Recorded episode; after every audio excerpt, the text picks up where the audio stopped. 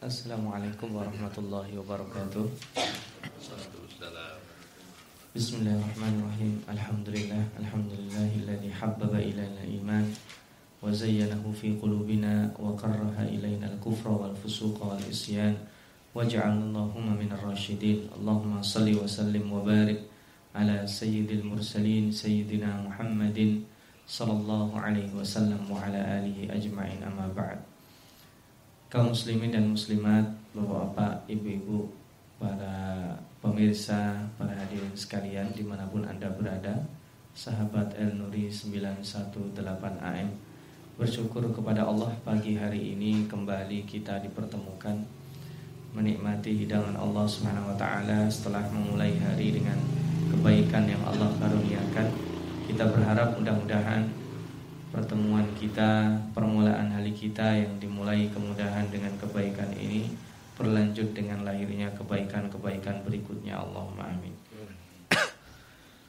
Melanjutkan tadabbur Al-Qur'an pada halaqah yang sebelumnya kita sudah membahas penangkal-penangkal kekafiran yaitu membaca Al-Qur'an dan menghadirkan Rasulullah sallallahu alaihi wasallam kemudian ada perintah bertakwa dan uh, umat Islam disuruh berpegang teguh dan tidak bercerai-berai.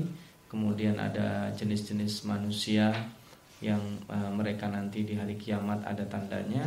Maka pada pertemuan kali ini biidznillah taala kita akan melanjutkan sambungan kajian tersebut yang berkaitan dengan khairiyah atau umat Islam ini dilahirkan untuk apa lalu juga masih melanjutkan beberapa karakteristik dari ahli kitab. Kita akan melanjutkan pada halakoh 64 ini ayat 109 sampai 115 biidznillah taala.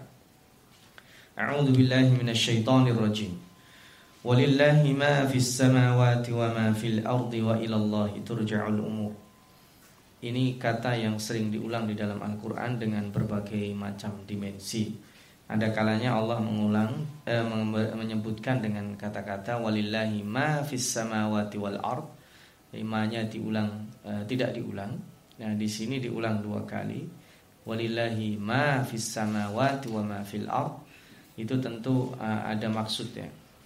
Eh, ma di sini kalau secara kebahasaan itu sesuatu yang eh, tidak bernyawa kalau man kan ada juga lillahi man fis samawati wa man fil ardi ya. Kan ada juga sabbaha man fis samawati wa man fil ard. Ada juga kalanya yang bertasbih kepada Allah itu ma fis samawati wa ma fil ard. Nah, kata-kata ma di sini bukan berarti uh, hanya mereka yang tidak bernyawa seperti gunung. Kalau kalau di langit mungkin bintang-bintang sesuatu yang ada di sana kita tidak tahu. Yang kita tahu yang kita lihat kan e, di alam semesta ini berupa bintang. Ma fis samawati wa ma fil yang kelihatan dari sini itu semua kepunyaan Allah. Dan wa ma fil ard di sini untuk mendetilkan. Sebenarnya kalau walillahi ma fis samawati wal ard itu sesuatu dari yang apa di langit dan di bumi. Nah, Nanti ada di dalam Al-Quran juga uh, Allah subhanahu wa ta'ala Menciptakan apa yang di langit dan yang di bumi Wa ma bainahuma. Nah, Ditambah lagi Yang di antara keduanya.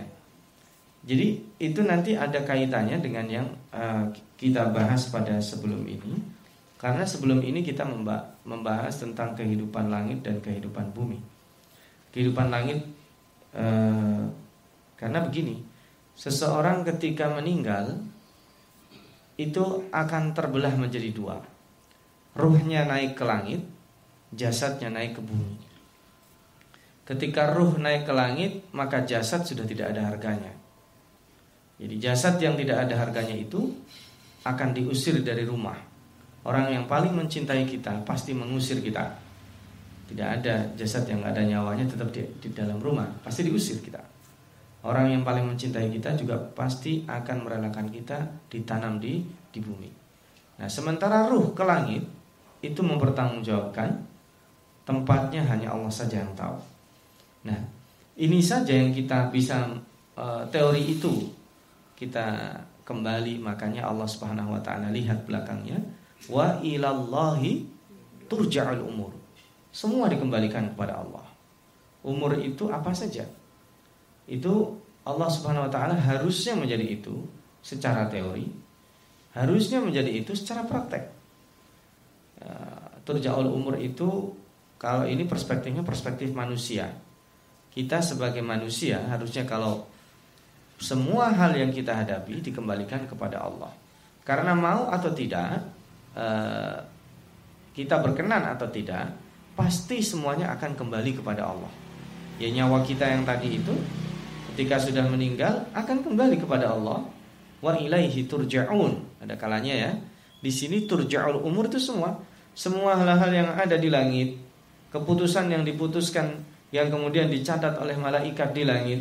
Kemudian juga apa yang terjadi di bumi turja'ul umur. Kepada Allah saja dikembalikan. Nah kemarin kan di ayat terakhir kita membicarakan eh, yauma tabyaddu wujuhun nanti di suatu hari di hari hisab, di hari perhitungan, di hari penentuan, ada manusia yang bermuka cerah dan ada manusia yang bermuka hitam. Wa ilaihi turja'ul umur. Semua keputusan itu Allah yang memutuskan. Siapa yang bermuka cerah, berwajah ceria dan siapa yang bermuka muram dan siapa yang hitam wajahnya. Nah, maka lillahi ma fis samawati wa ma fil ini dahsyat sekali ayat ini. Ayat yang mendetilkan bahwa semua kepunyaan kita sebenarnya itu milik Allah. Ya, kepunyaan kita itu yang kita klaim jadi milik kita itu apa sebenarnya? Harta, anak, istri, teman, tetangga, bisnis, urusan dan sebagainya, ilmu yang kita klaim punya kita pada sejatinya itu adalah milik Allah Subhanahu wa taala. Lalu juga yang kita lihat di langit. Ini e, menandakan sebagai e, mukadimah lahirnya ayat berikutnya. E, untuk ayat berikutnya Allah taala menegaskan kuntum kalian sahabat Nabi ya ini secara umum karena ini ada ada korelasinya dengan e, perintah yang e, berikutnya sebelumnya. Sebelumnya perintah terakhir adalah ya ayyuhalladzina amanu taqullah maka di sini lanjutannya kuntum kalian yang diperintah bertakwa tadi yang diperintah supaya tidak menaati ahli kitab atau utul kitab ukhrijat linnas. Khairu ummatin ukhrijat linnas. Sebaik-baik umat yang diperuntukkan yang dimunculkan untuk manusia. Nah kebaikan ini ada syaratnya. Kalian sebenarnya ini orang berprestasi. Syaratnya ada tiga. Yang pertama ta'muruna bil ma'ruf yang kedua, watan hauna 'anil munkar wa tu'minuna billah. Ada tiga syarat. Ini menarik ya. Amar ma'ruf nahi munkar dikunci dengan wa tu'minuna billah. Jadi amar ma'ruf nahi munkar itu koridornya adalah koridor yang ketiga. Kita amar ma'ruf, kita nahi munkar itu bukan supaya dikira kita orang keren. Kita memerintahkan kebaikan bukan supaya nanti kita mendapat bagian kita mencegah kemungkaran bukan takut terjadinya kerusakan, tetapi watu minu nabilah. Kembalinya kepada tadi walillahi ma fis samawati wa ma fil ard wa ilallahi turja'ul umur. Nah, walau amana ahlul kitab lakana khairan lahum. Seandainya ahli kitab itu mereka mau beriman, maka ini lebih baik bagi mereka. Nah, sementara yang beriman itu sedikit. Minhumul mu'minun wa aktsaruhumul fasiqun. Sebagian dari mereka itu beriman, tetapi yang terjadi mayoritas di antara ahli kitab itu adalah al-fasiqun. Nah, al-fasiqun itu nanti juga disebut kadang-kadang al-zalimun. Nanti disebut juga al-kafirun. Itu trilogi yang ada kalanya disebut maknanya sama, ada kalanya berbeda. Nah, di sini Allah Subhanahu wa taala kenapa tidak disebut minhumul mu'minuna wa aktsaruhumul kafirun misalnya? Karena sebenarnya kekafiran ahli kitab itu based onnya adalah kefasikan. Kefasikan itu apa? Dia sebenarnya tahu kalau itu benar tapi tidak tidak melakukan. Coba kita lihat lam yakunil ladina kafaru min ahli kitab munfakkina hatta ta'tiyahumul bayyinah. Al bayyinah itu mereka sudah tahu. Kenapa? Utul kitab itu membaca. Nah, al bayyinah yang paling jelas adalah rasulun minallahi yatlu suhufan mutahhara. Jadi mereka dikirim Allah seorang rasul yang tadi ini mereka nanti-nantikan. Cuman sayangnya rasul itu ternyata bukan seperti ekspektasi mereka. Kalau mereka berharap yang jadi rasul itu adalah salah satu dari mereka, ternyata tidak. Mereka berharap yang menjadi nabi pamungkas itu dari Bani Israel, ternyata tidak. Itu yang membuat kekecewaan. Nah, itu yang kemudian menjadikan seseorang itu fasikun. Ya, sama dengan di kita lah. Saya berharap yang menjadi pejabat A itu adalah saya. Oke, itu paling ekstrim ya. Kemudian kalau tidak saya teman saya A, kalau enggak A ya di antara B, C dan E. Eh ternyata yang diangkat pejabat itu bukan A, B, C, D, E, e tapi orang lain. Ya kita pasti kecewa. Nah kemudian kita tidak menerima pejabat itu. Nah itu disebut dengan fasikun padahal kita tahu e, kualitasnya. Ini sekedar permisalan dan tentu jauh. Tetapi Allah Subhanahu Wa Taala ingin menggambarkan fasikun adalah orang-orang yang tidak mau taat menerima keputusan Allah Subhanahu Wa Taala. Lalu orang-orang yang terbaik yang dikirim Allah tadi, khaira ummah, la yadurrukum illa ada. Orang-orang yang fasik tadi, orang-orang yang memusuhi kalian, orang ahli kitab, tidak akan membahayakan kalian. Kecuali hanya ejekannya. Jadi begini, orang-orang itu tidak akan sanggup membuat kita buruk dan hina kecuali hanya kita menahan ejekan itu saja. Sebenarnya kalau kita bisa tutup telinga sebenarnya nggak ada masalah. Ini kadang kita mikirin, kita lebih mikirin apa yang dikatakan orang lain tentang diri kita. Padahal sebenarnya la yadurrukum illa ada. Ada yang dimaksud di sini adalah ada bil lisan. Bukan ada bil jismi. Kalau ada fil jismi itu tidak. Karena ada fil jismi itu lahirnya nanti kepada uh, clash secara fisik. Kenapa? Karena mereka hanya omong gede saja. Ya kan kalau petirnya nyambar, geluduknya kencang tapi nggak ada hujan, orang sih kenapa takut? Gitu ya. Yang ditakutkan kan kalau nggak ada geluduk, nggak ada petir, tahu hujan nggak berhenti berhenti. Nah itu sebenarnya. Nah di sini la yadurukum illa ada. Tidak membahayakan sama sekali mereka karena kecuali hanya ejekan saja. Kalau kalian cuek dengan ejekan itu nggak ngaruh. Kenapa? Wa iyuqatilukum kalaupun mereka nanti clash secara fisik yuwallukumul adbar. Mereka akan berlarian. Lihat orang-orang Bani Israel. Mereka kalau ketemu fisik mereka di ayat lain dijelaskan lah la yuqatilu la yuqatilukum jami'an illa fi quram muhassanatin au min wara'i judur. Mereka itu tidak akan berperang kecuali di balik benteng yang kuat atau di balik dinding-dinding kokoh. Udah gitu yang berperang yang, yang melawan mereka siapa? Anak-anak kecil. Fir'aun itu yang ditakuti siapa? Bukan para jagoan, tetapi anak-anak kecil. Jadi mereka sebenarnya penakut. Maka di sini kalau kita tahu seperti itu, sebenarnya yang paling membahayakan itu tidak lebih dan tidak bukan adalah ada bil lisan. Jadi uh, hanya menyakiti hati kita kalau kita masukkan hati sebenarnya nggak usah terlalu dimasukkan hati. Ya meskipun susah ya. Ada nggak orang diejek nggak sakit hati? Susah juga sebenarnya. Diejek tapi biasa aja. Itu orang hebat sebenarnya.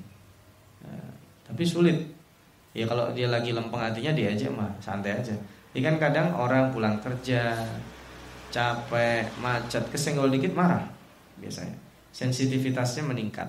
Nah, itulah yang terjadi karena mereka ini tidak uh, punya kemampuan apa-apa sebenarnya. Karena apalagi kalau dikembalikan kepada wa ilallahi turja'ul umur. Jadi mereka kalau clash fisik ya sebagai kemungkinan besar akan takut padahal peralatan mereka kalau dihitung-hitungan peralatan militer jauh lebih kuat. yang sorun kemudian mereka tidak tertolong.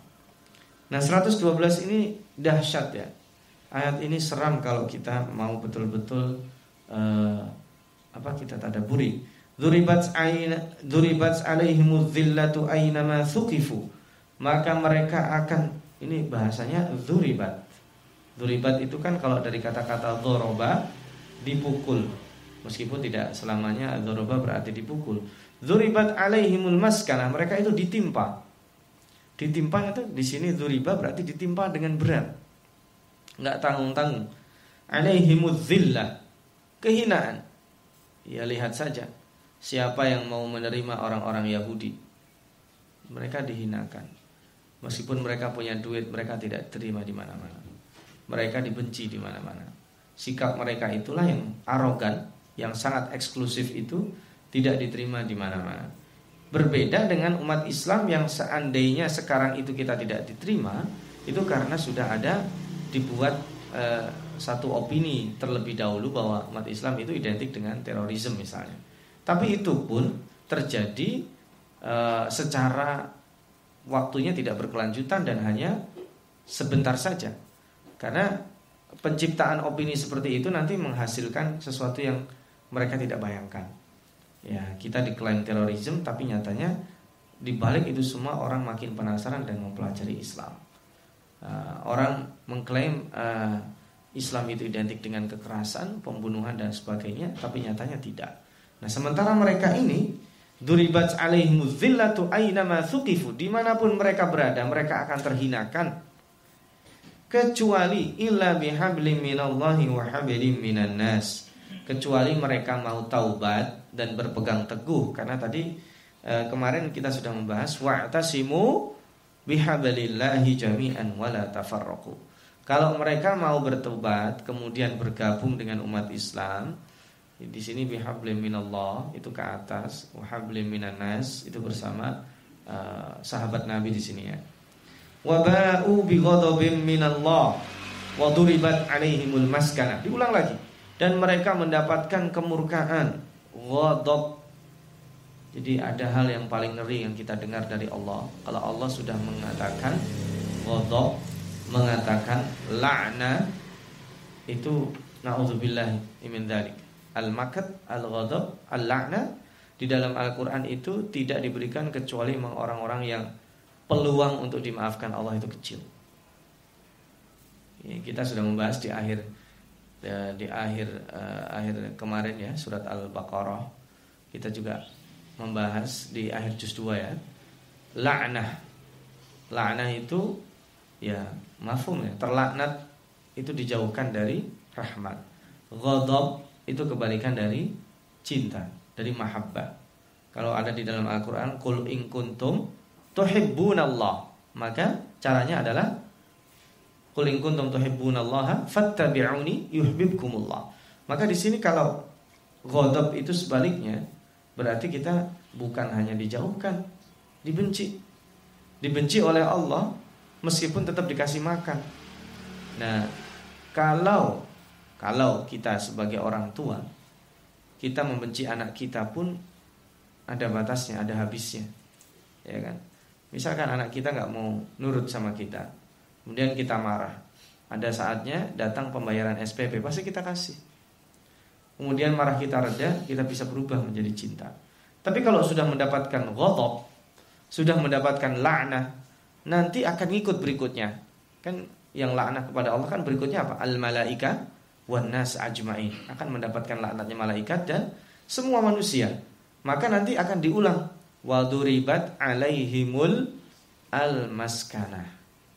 Masya Allah al maskana ini uh, bedanya dengan uh, villa. Kalau villa itu adalah kehinaan dimensinya itu bisa kelihatan. Mohon maaf kalau kita lihat menurut kita orang yang hina itu siapa? sebagian orang melihat yang disebut orang hina adalah orang yang e, profesinya adalah profesi yang sama-sama dimusuhi oleh masyarakat. Itu orang hina. Nah, kalau dia melakukan misalkan zina dan diketahui, maka ini orang hina, nggak ada harga dirinya. Kalau diketahui dia orang adalah koruptor yang betul-betul terbukti, dia maka sumbangan-sumbangan kebaikan dia menjadi hilang. Kalau dia terbongkar ternyata kembong mafia narkoba, santunan anak yatim, mau kebaikan dia itu hilang. Nah itu Allah menggambarkan maskana. Maskana itu kerendahan yang tidak bisa diangkat oleh kebaikan yang dia lakukan. Itu uh, bisa kita rujuk maknanya banyak. Tapi uh, kenapa ada zillah, ada maskana? Karena perspektif orang itu kadang merendahkan seseorang itu berbeda, berbeda kacamata. Ada kalanya orang melihat yang namanya orang hina itu dilihat dari kacamata materi. Padahal yang dinamakan hina bukan itu. Yang dinamakan hina adalah orang yang mengingkari kebaikan. Nah, al-maskana itu perlu diwujudkan apa? Karena seseorang yang dia aslinya hina, kemudian melakukan hal-hal menutup kehinaan itu, maka sesungguhnya dia rendah di mata Allah Subhanahu wa taala. Kayak tadi yang Alfred gambarkan, dia punya santunan anak yatim, punya yayasan sosial, membantu dengan tetangga, baik sama sekali. Tapi ternyata dia kemudian ditangkap oleh polisi dan diketahui dia adalah gembong narkoba. Itu kira-kira uh, amal yang tadi dibuat sama dia, santunan anak yatim, tetangga-tetangganya akan mengatakan apa? Maka itu disebut dengan duribat alaihimul maskana, akan terpukul yang kedua kalinya dengan kehinaan. Yang pertama dia betul hina, tidak diketahui orang bisa jadi. Meskipun ainama thukifu di mana pun mereka berada, tapi ketika disebut waduribat alaihimul maskana itu tidak bisa diangkat kehinaan itu dengan kebaikan yang mereka lakukan.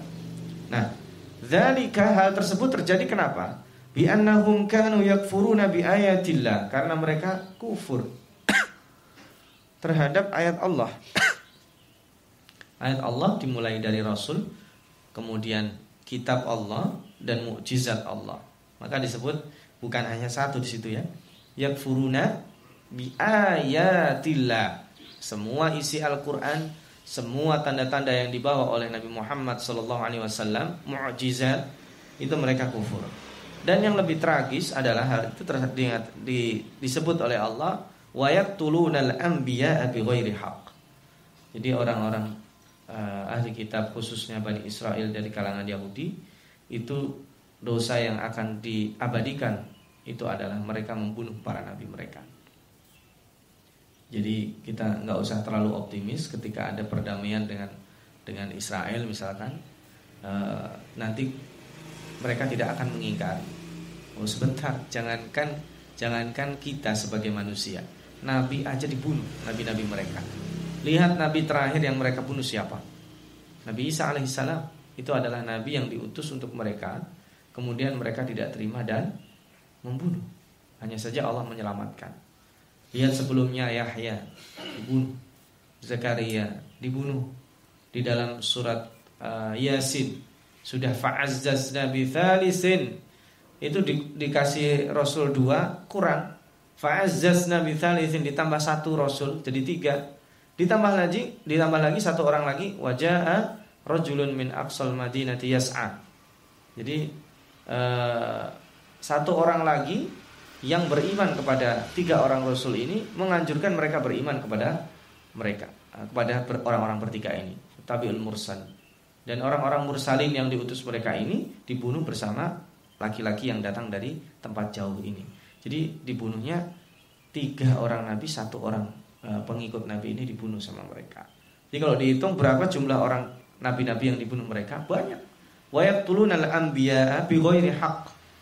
Bi ghairi haqq ini menandakan bahwa bukan berarti ada di antara para nabi yang dibunuh dengan hak, nggak ada. Satu pun yang mereka lakukan itu disebut dengan bi ghairi haqqin. Dzalika bima asaw wa kanu ya'tadu. Dua. Mereka bermaksiat kepada Allah dan al-i'tida. Al-i'tida itu maksiatnya tidak dihentikan. Al-i'tida itu melampaui batas. Al-i'tida itu adalah menerobos uh, apa ya? Sesuatu yang rambu-rambu yang dibuat oleh Allah Subhanahu wa taala. Ini yang yang buruknya ya, sampai di sini titik. Yang menarik adalah laisu sawa. Yang minhumul mu'minuna yang sedikit tadi dibahas oleh Allah laisu sawa'a meski demikian keburukan-keburukan ahli kitab yang sudah kita bahas mereka itu nggak sama tidak semuanya sama buruk kenapa min ahli kitab di antara ahli kitab itu ummatun ada sekelompok orang Qa'imatun yatluna ayatillahi ana al-laili yasjudun. Mereka ada juga orang yang beriman kepada Al-Qur'an, membacanya pada waktu malam dan mereka bersujud. Ada juga yang rajin qiyamul lail. Ya kan ada juga Abdullah bin Salam ya. Nah, ini kan Abdullah bin Salam itu uh, adalah orang yang terbaik di antara mereka. Ketika mereka beriman, eh, ketika Abdullah bin Salam beriman, itu mereka mengklaim bahwa Abdullah bin Salam adalah orang yang terburuk di antara mereka. Ini yang uh, tadi kita bahas hukum illa ada itu ya. Yang diolok-olok itu bukan hanya orang-orang yang beriman, orang-orang yang mendukung mereka juga diolok-olok. Dan itu sebenarnya tidak membahayakan kecuali olokan-olokan melalui lisan mereka. Nah, sifat mereka disebut yu'minuna billahi wal yaumil akhir. Mereka beriman kepada Allah dan hari akhir. Nah, ini diulang lagi. Wa ya'muruna bil ma'rufi wa yanhauna 'anil munkari wa yusari'una fil khairat. Jadi sifat dasar khairiyah orang-orang berprestasi itu adalah amar ma'ruf nahi munkar.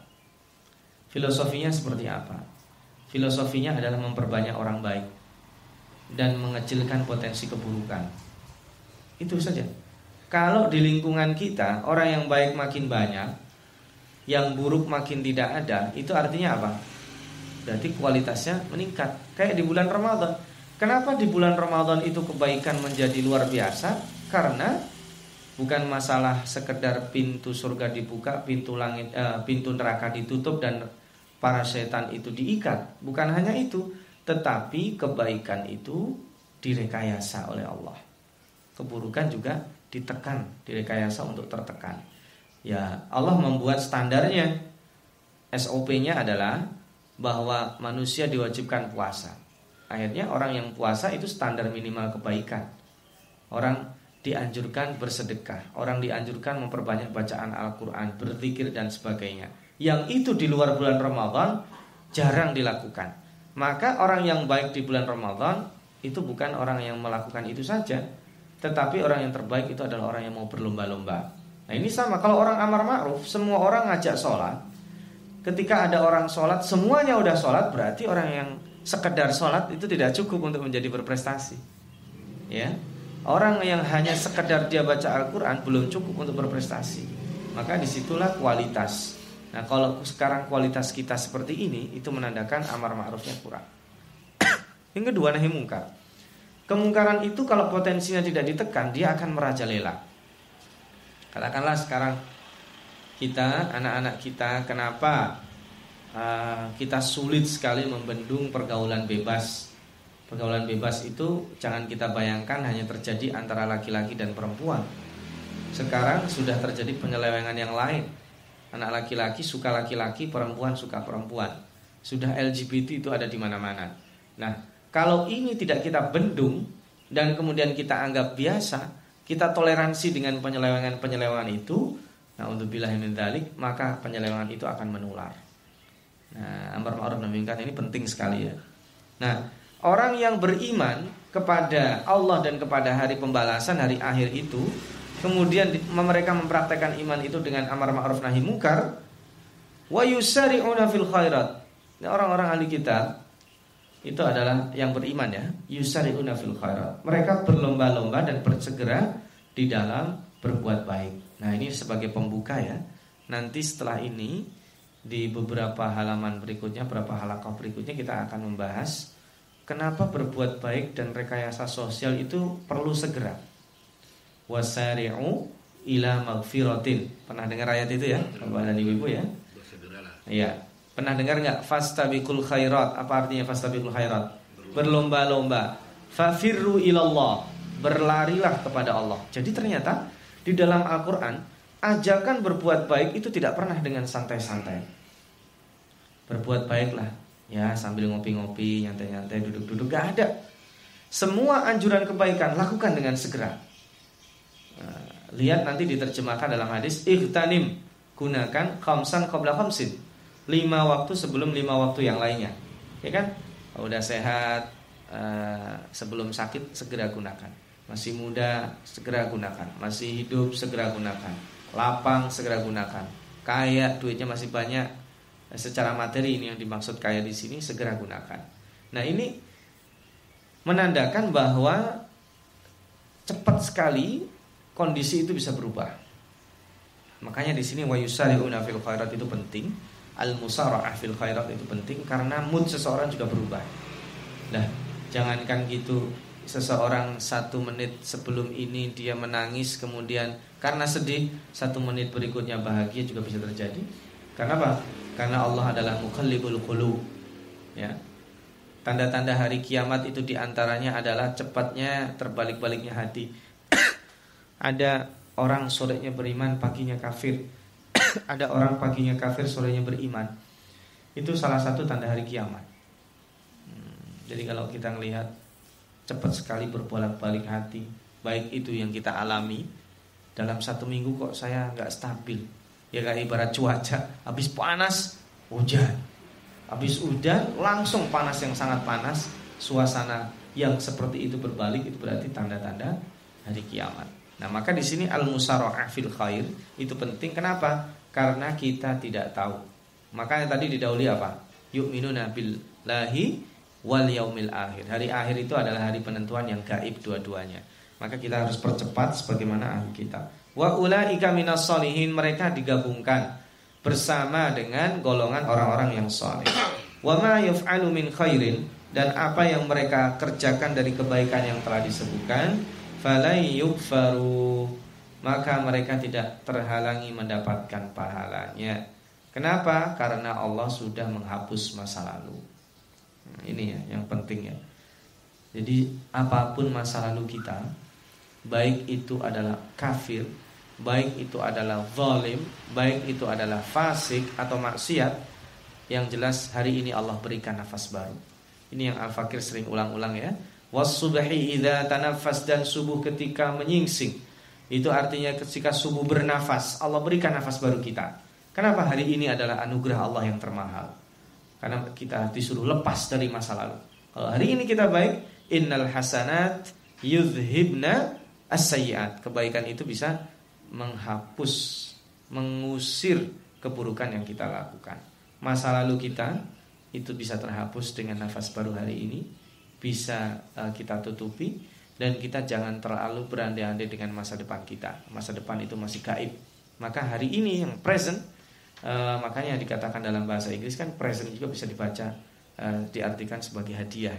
Hari ini adalah hadiah Allah yang kita di sini memutuskan untuk menghapus masa lalu kita konsentrasi untuk berbuat baik atau tidak. Nah, kalau kita lakukan wallahu alimun bil muttaqin. Hanya Allah saja yang tahu siapa di antara kita di antara mereka yang tadi disebut bil muttaqin. Ini nanti Allah akan lanjutkan siapa orang bertakwa dan siapa orang kafir. Tapi Allah akan mulai dulu orang kafir ya. Pada halakoh berikutnya kita akan tadaburi siapa sesungguhnya orang kafir dan meskipun mereka kaya, kekayaannya tidak akan berguna. Lalu apa yang mereka dermakan tidak akan berguna. Kayak tadi itu duribat alaihimul zillah tapi juga wa duribat alaihimul maskanah akan akan dapat dua kali. Orang yang kelihatannya baik tapi dia menyembunyikan bangkai yang sangat busuk ketika bangkai itu tercium maka kebaikan dia hilang. Nah, dan keburukan yang paling tinggi adalah kekafiran. Nah, ini, ini dibahas di sini ya. Duribat alaihimul zillah itu kenapa? Illa bihablim minallah wa hablim minan nas. Itu yang bisa menyembuhkan uh, kerendahan dan kehinaan seseorang adalah ketika seseorang berpegang teguh pada hablun minan minallah dan hablun minan nas. Kalau itu bisa dilakukan, bisa mengentaskan dari adillah dan al-maskanah. Jadi uh, sebenarnya Allah tidak akan buka aib kita kalau kita berpegang itu. Karena kalau mau jujur Bapak dan Ibu-ibu sekalian yang dimuliakan Allah, kita berkumpul di tempat ini Eh, masing-masing uh, kita bisa tersenyum adalah karena aib kita ditutup oleh Allah Subhanahu wa taala. Kalau begitu dibuka, maka bisa jadi itu kita masuk duribat alaihimul dhillah. Meskipun belum tentu wa duribat alaihimul maskana. Uh, al maskana itu diperuntukkan bagi mereka yang tadi. Dzalika bima asau wa kanu ya'tadun. Orang bermaksiat tapi tidak mau bertaubat dan terus-menerus melanggar rambu-rambu dan aturan Allah. Mudah-mudahan Allah jauhkan kita dari sifat tersebut dan dimasukkan kita seperti halnya ahli kitab yang beriman yang ada di bawah yang menggunakan kesempatan yang tidak banyak ini untuk amar ma'ruf nahi munkar dan al musalaah fil khair. Ini yang bisa kita tadaburi dari halaqah 64. Kita uh, berdoa mudah-mudahan Allah masih memberikan kesempatan kita untuk menikmati Al-Qur'an secara fikrian, secara zihnian dan bisa mudah kita praktekkan dan kita sebarkan bagi masyarakat sekeliling kita. Mohon maaf atas segala kekurangan hadirin sekalian di mana pun anda أقول قولي هذا. جعل الله إياكم من الذين يستمعون القول فيتبعون أحسنه. والسلام عليكم ورحمة الله وبركاته.